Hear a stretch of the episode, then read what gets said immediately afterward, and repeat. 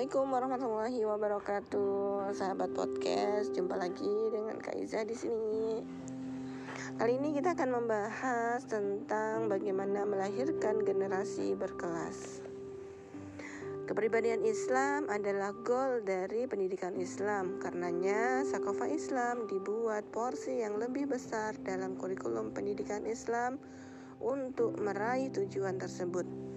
Maka di setiap jenjang pendidikan dimulai dari anak usia dini hingga perguruan tinggi, materi sakofa Islam tidak boleh hilang dalam bahasa kurikulum. Sakofa Islam adalah muatan yang urgen dalam kurikulum pendidikan Islam karena sakofa Islam adalah pembentuk langsung kepribadian Islam anak. Maka perlu kita memahami apa itu sakofa Islam. Dalam kitab ususut ta'lim wal manhaj fil daulatil khilafah disebutkan Sakofa Islam adalah pengetahuan-pengetahuan di mana akidah Islam menjadi sebab dalam pembahasannya. Sama saja apakah pengetahuan-pengetahuan tersebut mencakup akidah Islam seperti ilmu tauhid ataukah pengetahuan-pengetahuan itu dibangun di atas akidah Islam seperti fikih, tafsir, dan hadis atau pengetahuan itu ditetapkan oleh pemahaman yang terpancar dari akidah Islam berupa hukum seperti pengetahuan-pengetahuan di mana ijtihad mewajibkannya di dalam Islam seperti ilmu bahasa Arab, mustalahah, hadis dan usul, maka ini ya sakofa Islam karena akidah dialah sebab pembahasannya. Dari sini sahabat podcast kita dapat memahami bahwa sakofa Islam ada dalam tiga cakupan bahasan. Yang pertama, akidah Islam itu sendiri seperti ilmu tauhid. Yang kedua, pengetahuan yang dibangun di atas akidah Islam seperti fikih, tafsir, hadis, Al-Quran, sirah nabawiyah, fikih sirah, dan torik Islam. Yang ketiga, pengetahuan yang terpancar dari akidah Islam berupa hukum-hukum di mana ijtihad mewajibkannya seperti ilmu bahasa Arab, mustalah hadis dan usul fikih. Sakofa Islam wajib diberikan pada anak-anak kita sejak usia dini, masa stimulasi dini kepribadian anak Islam. Dimulai dengan membangun akidah Islam pada anak proses berpikir mereka, mengenalkan siapa pencipta atau khalik mereka dan posisi mereka adalah makhluk di dunia. Mulailah proses itu sejak usia 4 sampai 6 tahun.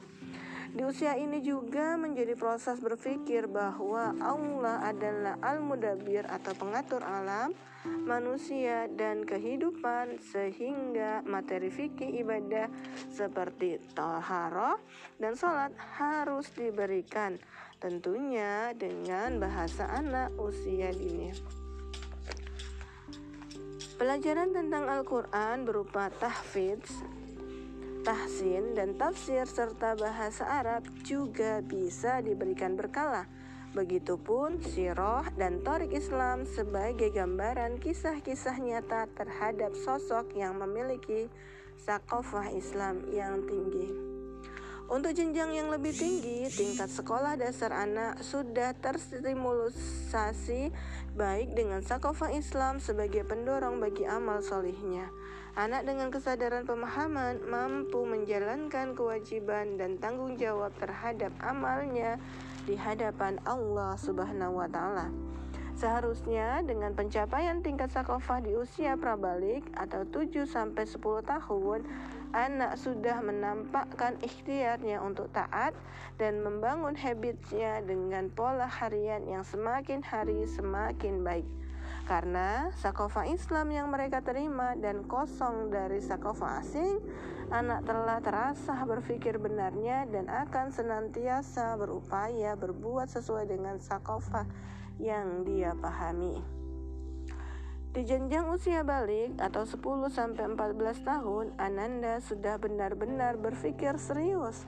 Timbangan ketakwaan menjadi ukuran bagi identitas dirinya. mulai terdorong untuk memperjuangkan Islam, mem menangkan perkara apa pun dalam dakwah untuk kemuliaan agamanya. Karena kematangan berpikirnya sudah nampak dengan ketinggian sakofah yang ia miliki. Sakofah ini pula yang mendorong dia bagaimana mengolah pola, pola perilakunya atau nafsiyahnya sesuai dengan timbangan syariah Islam. Jadi, sakofah Islam itu adalah perancang atau syani bagi kepribadian Islam generasi. Sudah menjadi fakta sejarah bahwa generasi-generasi era peradaban Islam bersinar dengan sakofah Islam. Anak-anak sebelum balik sudah hafal Al-Quran 30 juz sebagai informasi yang benar yang mereka miliki pertama kali. Setelah itu mereka pun menghafal hadis bahkan ribuan hadis, menguasai bahasa dan sastra bahasa Arab, tafsir, fikih bahkan yang menonjol di antara mereka lahirlah ulama-ulama yang unggul dengan ketinggian sakofa Islam yang menakjubkan sekaligus ketinggian kepribadian Islam mereka. Sebutlah Imam Syafi'i, Imam Bukhari, Imam Qurtubi, dan yang lain-lain. Dalam khasana ilmu yang terkait dengan ilmu empirius, pendidikan Islam pun membangunnya di atas landasan akidah Islam. Meski ilmu sains dan teknologi bukanlah pembentuk langsung kepribadian Islam anak, namun ia adalah bagian yang penting untuk mempermudah kehidupan dalam menyelesaikan persoalan. Riset-riset dalam bidang ilmu yang merupakan perhatian besar bagi dunia pendidikan Islam dapat mengorbitkan para ilmuwan kelas dunia yang merupakan penompang peradaban Islam di bawah panji Islam.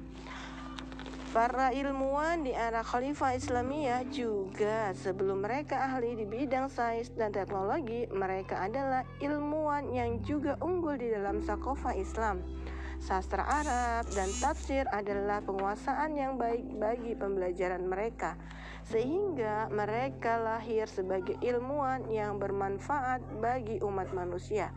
Tidak ada satupun keilmuan mereka yang merusak umat, justru mereka membawa keberkahan bagi seluruh dunia karena dorongan ketakwaan dan penguasaan sakafah Islam yang tinggi menjadikan Al-Quran sebagai ilham mereka dalam mengemban sains dan teknologi. Kepemimpinan mereka pun adalah kepemimpinan terbaik. Sebutlah Salahuddin Al-Ayubi, memiliki kepemimpinan militer yang kuat, namun beliau adalah seorang ulama yang memberikan catatan kaki dan berbagai macam penjelasan dalam kitab hadis Abu Dawud.